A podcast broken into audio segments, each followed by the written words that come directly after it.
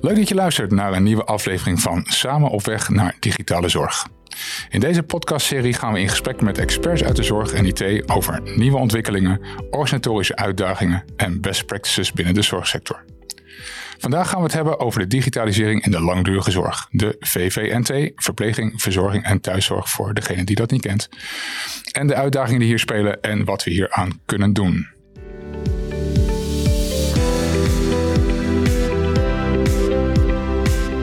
Mijn naam is Sander Groot, ik ben adviseur bij DNA Medical Group en jullie host van deze aflevering. Inmiddels loop ik alweer zo'n 15 jaar mee in de zorgsector en hou me met name bezig met de implementatie van digitale technologie zoals het ECD, maar ook met het verbeteren van zorgprocessen en verandermanagement. Naast mij zit mijn gast van vandaag en collega Jacco Aantjes. Jacco, welkom. Dankjewel Sander. Uh, goed om hier te zijn. Ik heb er uh, lekker zin in. Mooi, leuk om je te spreken hier. Kan je jezelf even kort voorstellen? Natuurlijk. Ik ben Jacco. Ik ben tevens ook adviseur bij uh, DNA. Ik werk nu al ruim uh, 20 jaar, bijna 25 jaar in de zorgsector op de draakvlak van zorgorganisatie en informatie. Eigenlijk heel breed als ik het zo hoor. Leuk. Uh, uitermate breed, maar wel steeds een terugkerend thema, merk ik zo in de loop der jaren. Is uh, hoe krijg je strategie en visie goed vertaald naar zorgprocessen. Hmm. En dat dan ondersteund met informatiemanagement. Echt in die lijn. En nou, dat in steeds verschillende contexten pak ik op. Leuk, leuk. Mooie combi zo. Hoe ben je trouwens teruggekomen in het werk van zorg en IT? Um, ehm, vanuit huis al een grote belangstelling voor de zorgsector gehad. Um, altijd uh, geïnteresseerd geweest, omdat ik uit zo'n genetisch belast gezin kom. Iedereen werkt in de zorg, dus dat mocht ook niet anders. Ja. Um, ik, vandaar ook mijn beide studies. Ik ben zowel gezondwetenschapper als bedrijfskundige. In het begin van mijn carrière heel veel bezig geweest met procesoptimalisaties. En eigenlijk daar in aanraking gekomen met het belang van informatie, gegevens, data, uh, hoe je het ook wil noemen. En steeds verder met informatievoorziening bezig geweest. En wel heel duidelijk vanuit uh, de proceshoek, vanuit de zorghoek echt niet vanuit techniek. Ik ben geen techneut, zal het ook nooit worden.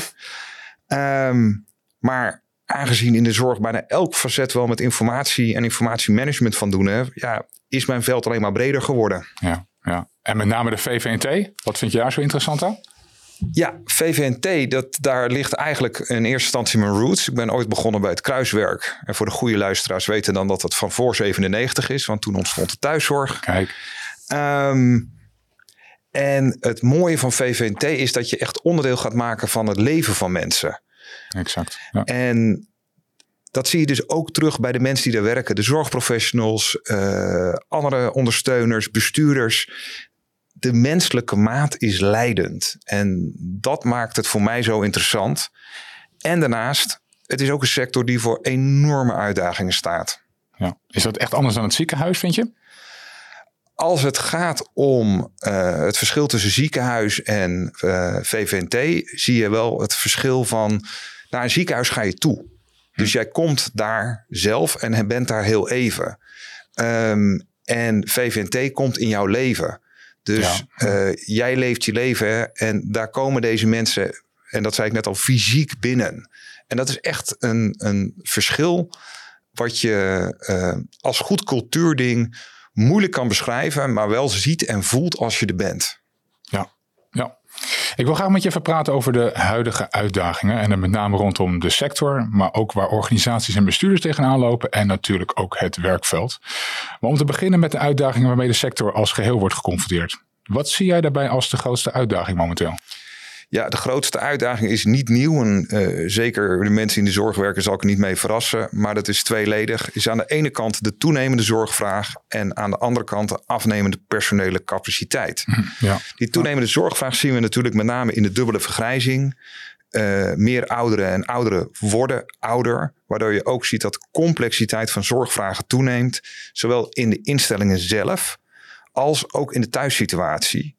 Terwijl je aan de andere kant ziet dat de personele capaciteit aan het afnemen is. En dat is aan de ene kant de ontgroening, minder jonge mensen. Maar we zien ook dat de aantrekkelijkheid van het beroep onder druk staat. Um, een blijvend hoog ziekteverzuim. Uh, waardoor je gewoon ziet dat er gewoon eigenlijk met minder mensen we meer moeten gaan doen. En dat in combinatie met toenemende eisen op het gebied van verantwoording, of het nu om zorg gaat, kwaliteit of financiën. Ook daar zie je dat uh, de maatschappelijke opdracht waar de VVT voor staat ook steeds meer uh, gemeten wordt. Ja. En dat maakt het gewoon moeilijk. En dan zie je dat digitalisering al heel vaak genoemd wordt als de oplossing. Maar in feite die belofte nog steeds niet waar heeft kunnen maken. Ja.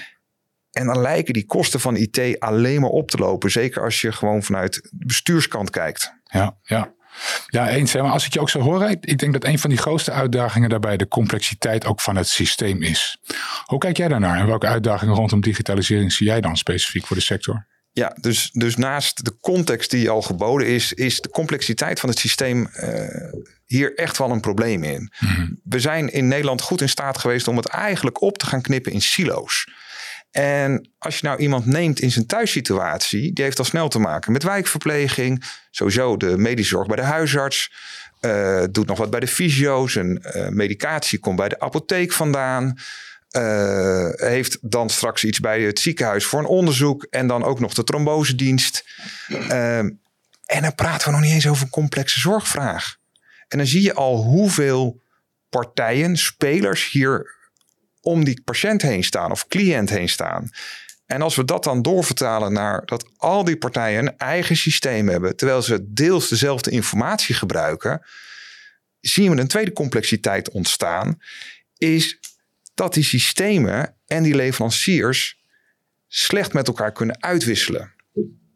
Um, waarbij we ook niet moeten vergeten, want het is niet alleen een technisch probleem, maar mhm. ook een inhoudelijk probleem. Heel vaak gebruiken we zelf de gegevens op een andere manier. Een heel simpel voorbeeld is wijkverpleging versus een verpleegkundige op een afdeling in een ziekenhuis. Een wijkverpleegkundige kijkt naar de zelfredzaamheid van iemand. Waar is een afdelingsverpleegkundige uh, geïnteresseerd in? In de somatische uh, kennis, oftewel de vochtlijst. Ja. Dus als de een overdraagt wat hij belangrijk vindt, dan krijgt de ander informatie waar hij eigenlijk niet zoveel aan heeft, want hij wil wat anders horen. Er is nog best wel een gap eigenlijk, hè? Enorme gap tussen, tussen beiden. En die wordt pas duidelijk op het moment dat ze gegevens van elkaar krijgen. Ja, ja, ja. Waar gaat het dan mis op dit punt? Want je zou toch verwachten dat daar wel de afdelingen met elkaar spreken en de partijen met elkaar spreken. En toch, toch gaat het nog niet goed. Um, ieder leeft in zijn eigen wereld en wordt erop afgerekend. Je ziet ook dat hun systemen daarop zijn ingericht. Als je kijkt naar hoe een systeem van een ziekenhuis in elkaar zit, is echt op het medisch model. En als je dat vergelijkt met een ECD uit de VVT, zie je dat veel meer op het uh, leefdomeinen of uh, ja, de welzijnsfactor die erin zit. Dus het is gewoon ook anders ingericht. En het is ook logisch dat ze andere gegevens vastleggen en met elkaar delen. Eigenlijk een hele andere uitgangspunt als ik het zo hoor. Eh, ik denk dat je het goed zegt. Het zijn echt andere uitgangspunten omdat ze ook een andere manier van zorg verlenen. Ja, ja en als je naar de AVG kijkt, op dat deel zit daar nog verschil in? Nee, dat is natuurlijk voor iedereen geldend. Uh, en dat is gewoon belangrijk, maar blokkeert natuurlijk wel het gemak van delen van gegevens. En dat is maar goed ook. Ik bedoel, er wordt natuurlijk heel veel geklaagd over de AVG. Maar het maakt het zo moeilijk. Ja, het gaat wel over zeer persoonlijke gegevens. Dus dat we daar heel precies mee moeten omgaan, is gewoon een uitdaging waar iedereen voor staat en waar we ons heel bewust van moeten zijn. Ja. Wat we ook niet moeten vergeten, is dat nu het geeltje of het briefje even uh, achterlaten voor de huisarts ook niet helemaal voldoet aan de AVG-eisen. dus, En ook uh, nog steeds gebeurt, hè? Enorm veel ja, gebeurt. Ja, ja. Uh, dus het, de bewustwording moet daar ook uh, hoger voor worden. En de huidige oplossing is heel vaak in elkaar systemen gaan kijken. Terwijl je eigenlijk gaat willen dat de systemen gewoon gekoppeld zijn. En misschien straks wel gewoon vanuit data denkt. Maar dan praten we echt over een verre toekomst. Ja, en dan praten we over een heel onderwerp waar ik ook heel warm van word. Maar dan moeten we denk ik voor een volgende podcast maar gaan praten. Lijkt me heel goed. Oké. Als we kijken naar de uitdagingen voor de bestuurders in langdurige zorg. Uh, een van die grootste uitdagingen is volgens mij het budget. En het implementeren van digitale zorg in IT kan namelijk behoorlijke investeringen vragen. En wanneer moet je als bestuurder nou een keuze maken van nou, ik ga dit budget inzetten om mijn IT te verbeteren. Of ik kies ervoor om meer personeel aan te nemen. Dat is eigenlijk een soort van duivels dilemma waar je hierin zit. Hoe kijk jij daar naar? Ja, elk antwoord wat ik geef moet je altijd toch zien in dat personeelstekort. Dat is de context waar elke bestuurder in werkt. Of die uh, vandaag er last van heeft met ziekteverzuim. Hij weet dat het eraan komt. Dus um, ja, dat duivels dilemma is in die zin beperkt. Uh, kijk, we hebben geen uh, blik met mensen die we kunnen opentrekken. Dus zeggen van ja, meer geld voor personeel. Um, dat gaat het niet oplossen. Dus je zult het ergens anders moeten vinden. En, en dan kom je op een van de zaken waar je als bestuurder wel wat mee kan, is wat wil ik met mijn organisatie? Wat is mijn visie, mijn strategie? Heb ik dat echt doorvertaald naar mijn zorgprocessen? Dus sluiten die aan en ga dan pas nadenken over je informatiemanagement en vertaal dat naar een digitale roadmap. Dat is interessant wat je zegt, hè? want je zegt je, je hebt eigenlijk een, eerst een organisatiestrategie en vanuit daaruit ga je naar een zorgvisie toe. En vanuit een zorgvisie ga je dan naar werkprocessen en een roadmap. Ja. In die volgorde ook? Ja, echt in deze volgorde. Um, in die zin is het vooral van belang dat je als instelling eerst weet waar je naartoe gaat. Want dat bepaalt hoe je zorg wil verlenen, wat voor proces. En informatie is niets meer dan iets wat je in je zorgproces gebruikt. Hm. En de meesten weten het al, en toch zie je het nog heel vaak voorkomen, is ik heb een probleem. Uh, nog erger, mijn buurman heeft systeem X, dat moet ik ook hebben. Ja, maar je weet niet eens of het werkt. Hm. Ja. mijn buurman heeft een heel klein autootje. Uh, maar dat werkt niet voor mij, want ik heb uh, drie kinderen en een hond. Dus ik heb een grotere auto. Ja, het is een stom voorbeeld, maar dit is wel de werkelijkheid. En hoe vaak we dit nog doen in de zorg. Ja, maar zij gebruiken dat en dat. Als je niet weet waarvoor je het gebruikt, kan je ook nooit de functionele waarde bepalen. Is dat een gebrek aan focus, denk je? Of? Uh, nog een, een gebrek aan het verbinden van twee werelden. En dat is die wereld van uh, zorg en de wereld van technologie en IT. Uh, Soms gebruiken ze dezelfde woorden, maar snappen elkaar niet. Maar veel vaker is dat men elkaar gewoon niet snapt. Ja. En dat de technologische mogelijkheden harder gaan dan wat de zorg kan aan kan. Maar dat is op het werkvloer, op de werkvloer denk ik, maar, dan ook, wel in de bestuurskamer dan. Ook in de bestuurskamer. Uh, als je kijkt in de ziekenhuizen, daar zie je de CMIO uh, eh, al opkomen, de Chief Medical Information Officer.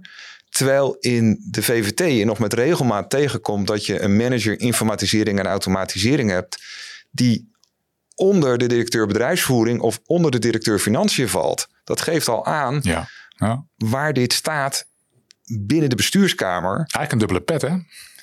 In de zin van? Nou, eigenlijk de manager INA die onder de manager bedrijfsvoering valt, die moet dan nu ook iets van de zorg gaan vinden um, moet zich ook gaan verdiepen in de zorgprocessen. En dat is eigenlijk niet iemand die dat doet. Het is, manager INA is toch gewoon een iets andere rol daarin. Het is hoe je het interpreteert, maar je hebt wel gelijk. Wat je heel vaak ziet is dat het eigenlijk nog steeds een manager IT is. Met alle respect voor de mensen die het nu luisteren en het anders doen.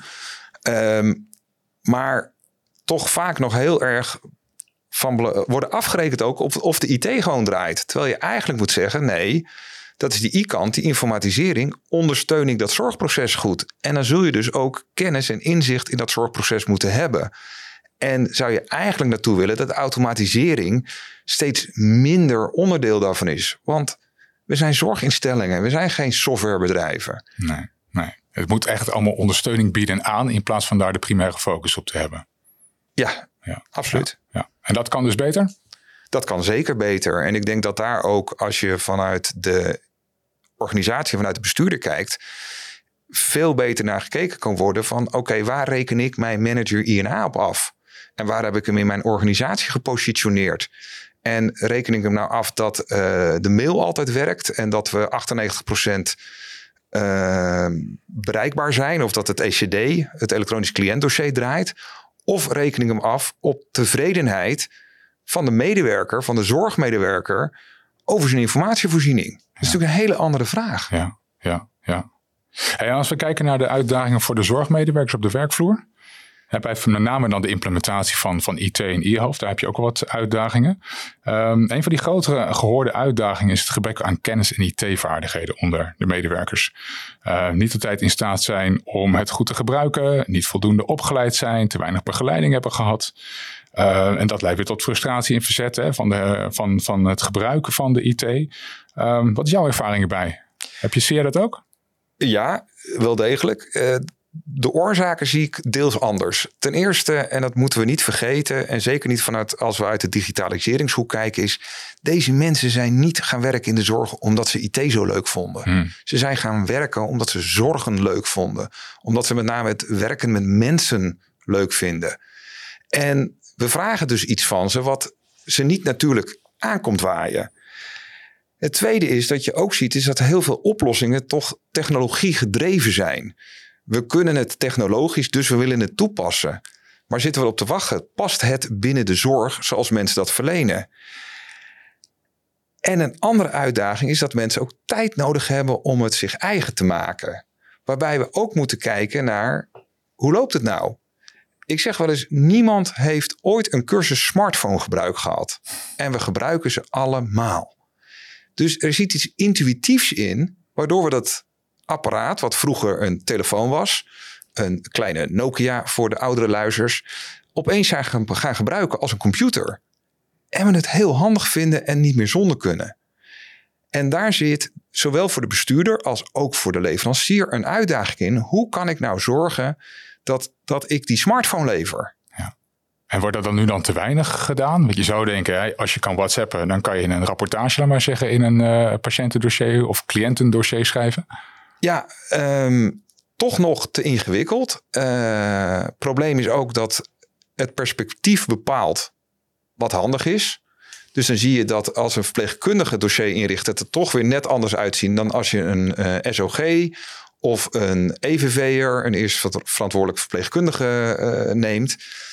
Um, of een behandelaar. Dat zijn allemaal mensen die op een andere manier naar diezelfde informatie kijken. En we zoeken nog heel veel naar harmonisatie. En we zijn bezig met de eerste stappen dat je dat veel meer persoonsgericht kan doen. Maar dat vraagt echt nog wel wat denkwerk. En zie je ook de oude probleem van automatisering is, ik richt het in op de mensen die ik spreek. Maar er zijn zoveel mensen die ik niet spreek. Dus het, daar zit echt een uitdaging. Ja. Hey, en in de voorbereiding van deze podcast hadden we het ook nog over werkdruk, hè? Over werkdruk op de werkvloer.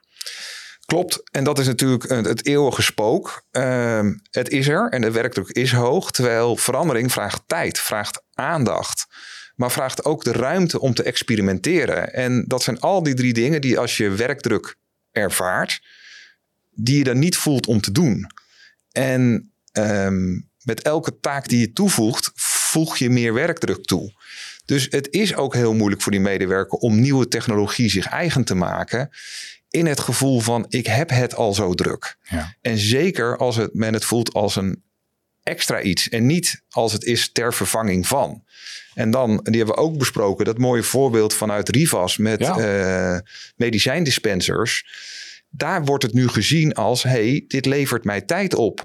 Door voortaan met medicijndispensers in de thuissituatie in te zetten. Zodat eh, cliënten gewoon hun eigen medicatie krijgen. Dat ik de uitzetlijsten niet meer hoef bij te houden en neer te zetten als wijkverpleegkundige. Maar je ziet meteen ook een ander probleem. Deze techniek bestaat al meer dan tien jaar. Dus de aanlooptijd voor dit, wat, van, wat we al tien jaar kunnen, tot het moment dat de zorg het echt omarmt, dat kost heel veel tijd. Dus ook de lange adem. Is dat dan cultuur, denk je? Deels cultuur, eh, deels eh, mogelijkheden. Eh, Techniek bedoel je dan mogelijkheden? Of functioneel? functionele mogelijkheden. Hmm. Dat men het ziet als verbetering, maar dat de hele sector het ook accepteert. Want wat we al zeggen, kijk naar medicijndispensers, dan heb je het over voorschrijvers, huisarts, Ja. medisch specialist. Je hebt het over degene die het leveren, de apotheek, die moet meedoen. En dan heb je de wijkverpleegkundige, die het gewoon in de dagelijkse praktijk tegenkomt. Al die partijen moeten het met elkaar eens zijn, op dezelfde manier informatie uitwisselen, van dezelfde systemen gebruik willen Dezelfde maken. systemen, zeker. Ja. En dat vraagt tijd. Ja. En dat hebben we gemerkt. Ja. Hé, maar Sander, je vraagt mij steeds wat de grootste uitdaging is. Maar we lopen allebei in dezelfde sector rond. Wat zie jij nou als grootste uitdaging? Nou, eigenlijk heb je hem al gezegd natuurlijk. Hè. Het is een redelijk open deur. Maar ja, personeel blijft toch de grootste uitdaging in de sector wel. Ehm, minder mensen en meer werk. En zeker complexer werk ook inderdaad. Ook veel inderdaad voor de wijkverpleging. Maar ja, nou, tegen de, in, in, hè, aan de andere kant, we kunnen ook geen blik mensen opentrekken, zoals je ook al zei. En uh, zeggen van, uh, we gooien er 50 mensen in één keer bij en we zijn klaar. Dus we moeten vanuit de andere kant moeten we kunnen kijken hoe we dit efficiënter kunnen gaan aanpakken. En dan komt toch digitalisering en IT komt dan toch om de hoek kijken. Hoe uh, het niet leuk ook is vaak voor zorgmedewerkers. maar daar moeten we wel wat mee. Maar dat betekent wel dat we ook moeten gaan kijken en in de huid gaan kruipen van de medewerkers zelf. En kijken van, oké, hoe kunnen wij hen nou het beste faciliteren, zodat ze en goed uh, goede zorg leveren, betere zorg leveren, maar ook vooral leuk werk hebben. Hè? En dat vergeten we heel vaak. Hè? Het, moet, het moet allemaal gebeuren, maar het moet ook nog een beetje leuk blijven. En zeker als je ze kijkt dat er nog meer mensen straks uit de sector gaan, ja, als organisatie moet je zorgen dat je een goede werkgever bent en die mensen ook echt aan je kan binden. En dat heeft niet alleen te maken met goede arbeidsvoorwaarden, maar ook met goede systemen waar je mee werkt. En zeker als je kijkt naar een elektronisch cliëntendossier, het ECD waar we het eerder over hadden, daar moet je gewoon fijn mee kunnen werken. En als mensen daar al zoiets hebben, joh, het is echt een crime om elke elke dag te moeten inloggen. Die mensen gaan weg. Dus het is ons, echt aan ons, denk ik, hè, als sector ook met elkaar te gaan kijken. Hoe kunnen we dit goed gaan organiseren? Dat die mensen ook blij zijn en ook blijven in de sector. Ja, volledig mee eens. Mooi, mooi verwoord. Mooi. Oké, als we nu even kijken naar de oplossingen. We hebben nu eigenlijk eigenlijk naar de problemen gekeken, vooral de sector en voor bestuurders en de werkvloer. Um, je had net al de oplossing al aangedragen en uh, voor de uitdagingen die er spelen. Maar als we nog even teruggaan naar de sector zelf. Wat zou een sector nou moeten doen om de uitdagingen die jij net besprak nou het hoofd te kunnen bieden? Um, hij staat nu ook hoog op de politieke agenda, maar niet voor niks. En dat is toch regionale samenwerking um, steeds meer als organisaties om die cliënt heen gaan staan en uh, te zorgen voor juiste zorg op de juiste plek. En vanuit de VVT betekent dat uh, samen met huisarts, ziekenhuis, apotheek, maar vooral niet vergeten ook het welzijnsdomein uh, daarbij te nemen of de sociale sector, welk woord je er ook voor gebruikt. Want het is al sinds mensenheugenis bekend dat mensen die zich goed voelen, veel minder zorg nodig hebben dan mensen die een minder welbevinden hebben. En in die zin zie je ook de insteek van de WMO met alle mogelijke fouten die erin zit, dat het achterliggende idee wel een goede was van uh, zorg is niet alleen maar meer medisch en verpleegkundig technisch. Zorg is ook welbevinden ja. en uh, preventie. Maar um, het is wel goed om als sector uh, eh, VVT of sector langdurige zorg onder de aandacht te blijven. Um, want zeker als je ook weer kijkt naar de, bijvoorbeeld de werkagenda van de ISA. Daar staat regionale samenwerking en dat staat als eerste meteen huisarts en ziekenhuis. Terwijl je zegt vanuit VVNT is het veel belangrijker om uh, met de huisarts en de apotheek en vervolgens wederom de is er weer het welzijnsdomein. En is dat ziekenhuis vaak maar een heel klein momentje wat voor uh, jezelf als instelling eigenlijk maar een onderbreking is van jouw zorgproces. In principe, ja. ja. Dus um, terwijl digitalisering en gegevensuitwisseling ook in de VVT, of misschien wel juist in de VVT, zo belangrijk is om van elkaar te weten wat de ander doet. Wat wil zeggen. Uh, waar zijn we mee, mee bezig met e-overdracht. Daar, hebben we natuurlijk al een aantal landelijke instellingen of uh, trajecten waar we mee bezig zijn. Dus die stap hebben we al.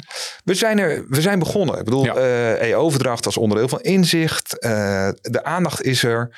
Maar de grote vraag is, is het echt al onderdeel? Is digitale zorg al gewone zorg? Ja. En het feit dat we het hier hebben over digitale zorg zegt eigenlijk al voldoende. Ja. Het wordt nog niet ervaren als gewoon zorg. Ja. En dat is wel waar we naartoe moeten. En voor bestuurders, als we daar eens naar zouden kijken, wat, wat zouden oplossingen voor bestuurders moeten zijn? Waar zullen zij een focus moeten leggen? Ja, hun focus is toch uh, te beginnen bij: heb je echt je, je visie duidelijk? En heb je dat ook duidelijk naar, naar je zorg doorvertaald? En op basis daarvan, wat we ook al eerder zeiden. Okay, die zorgvisie bedoel je eigenlijk, je, hè? Je zorgvisie. Ja, en roadmap. En dat naar je roadmap. En um, als DNA hebben we daar een visiedocument voor geschreven. Wat dat dan betekent voor jou als bestuurder. En die kun je downloaden van onze website. Dus zoek hem even op. En het begint echt met waar wil ik als organisatie naartoe? Dat is je leidraad en niet wat kan er technisch. En als we kijken naar zorgmedewerkers, heb je daar uh, speciale ideeën bij? Um, nou ja, wat ik al zei, digitale zorg moet gewoon zorg worden. En dat moet eigenlijk vanaf opleiding, uh, introductie bij een nieuwe instelling, uh, vanuit de beroepsgroep uitgedragen gaan worden. Niet als iets bijzonders, nee, het is gewoon zorg. ehm, ook mee willen werken aan, aan je digivaardigheden. Dat je ook dat ziet als zijnde. Dat hoort gewoon bij mijn vak, bij mijn beroep. Ja, ja. En niet als ik moet dat van, de, van, van iemand van bovenaf of van de afdeling IT. Nee, omdat digitale gewoon, zorg, gewoon zorg is, is het ook van belang dat ik die digitale vaardigheden heb. Net zoals dat ik een uh, goed uh, zorgplan kan opstellen.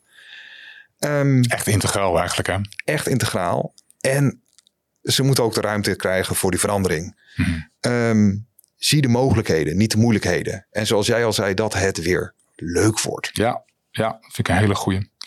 Ook even gezien de tijd. Um, als we kijken naar de toekomst. Uh, welke toekomstige ontwikkelingen zie je nou eigenlijk op de korte en lange termijn? En heb je nog bepaalde tips voor onze luisteraars? Belangrijk voor, voor met name bestuurders, als je op beleidsniveau kijkt, er komt een stelselwijziging aan. Ik weet ook niet exact wanneer. Eigenlijk altijd wel een keer, hè? Um, meestal zie je hem ongeveer eens in de zeven jaar uh, verschijnen voor de goede luisteraar kunnen we ook nog een podcast over doen. Dan kan je hem terugzien. Um, wat we wel weten is dat het huidige stelsel in zijn vorm niet houdbaar is. Als we, daar is ook het integraal zorgakkoord voor gesloten. De toegankelijkheid te waarborgen. Dus ga voor die regionale aanpak. Want we zien ook al uh, in alle stukken vanuit overheid, maar vanuit zorgverzekeraars, zorgkantoren terugkomen dat daar de focus op ligt. Dus, en daar bedoel je mee regionaal, dus eerste, tweede lijn, VVNT? Ja, maar ook VVNT-instellingen onderling. Uh, zoek je buren op, zie het als con-collega's. Want um, laten we eerlijk zijn, er is meer vraag dan uh, aanbod. Dus, uh, meer proactiviteit eigenlijk van de organisatie om meer naar buiten te treden. Ja. Dus niet naar jezelf blijven kijken, maar... Kijk met elkaar. Ja. En als we kijken naar uh, IT, een duidelijke verandering is steeds meer toepassen van cons consumententechnologie. Oftewel, de klant heeft al een iPhone of smartphone. En een voorbeeld wat ik in de praktijk tegenkwam, is dat de zorg zelf met zijn sleutelkastje kwam bij uh, ouderen. Terwijl die, de mantelzorg zei, ja, maar we hebben al een sleutelkastje en die is gewoon aangesloten op onze smartphone. Uh, ja, we willen eigenlijk dat de wijkverpleegkundige daar gebruik van gaat maken. En in het ziekenhuis zelf, dat ze al een chatgroep hebben met oma. Uh, en dat ze zeggen van ja, maar beste instelling, we vinden het leuk als jullie de foto's van de, de markt daarop zetten. Ja, dat zijn gewoon consumententechnologie. Dus als instelling moet je veel meer wederom wat jij zegt, naar buiten gekeerd zijn dan alleen naar binnen. En dan krijg je ook dat je uh, als IT-afdeling bijvoorbeeld veel meer bring your own device. Ja, als, ook eigenlijk, eigenlijk voor je mantelzorger. Hè? Voor je mantelzorger, ja, maar ook voor de cliënt. Ja, ja. En uh, de kosten schat ook nog. Ja. En we zien natuurlijk de opkomst, zeker in de afgelopen periode, van uh, artificial intelligence en ChatGPT.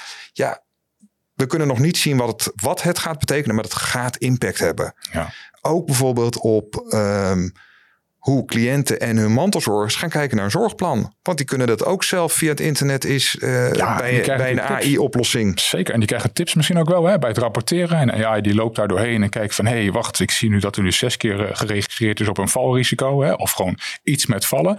Laten we hier een doel voor opmaken dat je dat als tip krijgt. Ja, dus dat, en dat, uh, nu wordt het vaak als zeuren gezien. En dat je zegt nee, dat is, wordt onderdeel van je zorgproces. Dat, dat, gaat, dat gaat wel echt helpen volgens mij. Hè? Absoluut. Kijk, hoef je niet, je, natuurlijk moet je zelf blijven nadenken als zorgmedewerker, want het is een groot onderdeel van je vak. Maar als je die tips toch al krijgt en je weet dat je op dezelfde lijn zit. Nou ja, ja. En heel vaak zie je dat mantelzorgers en, en familie de cliënt meer zien dan jij als uh, zorgprofessional.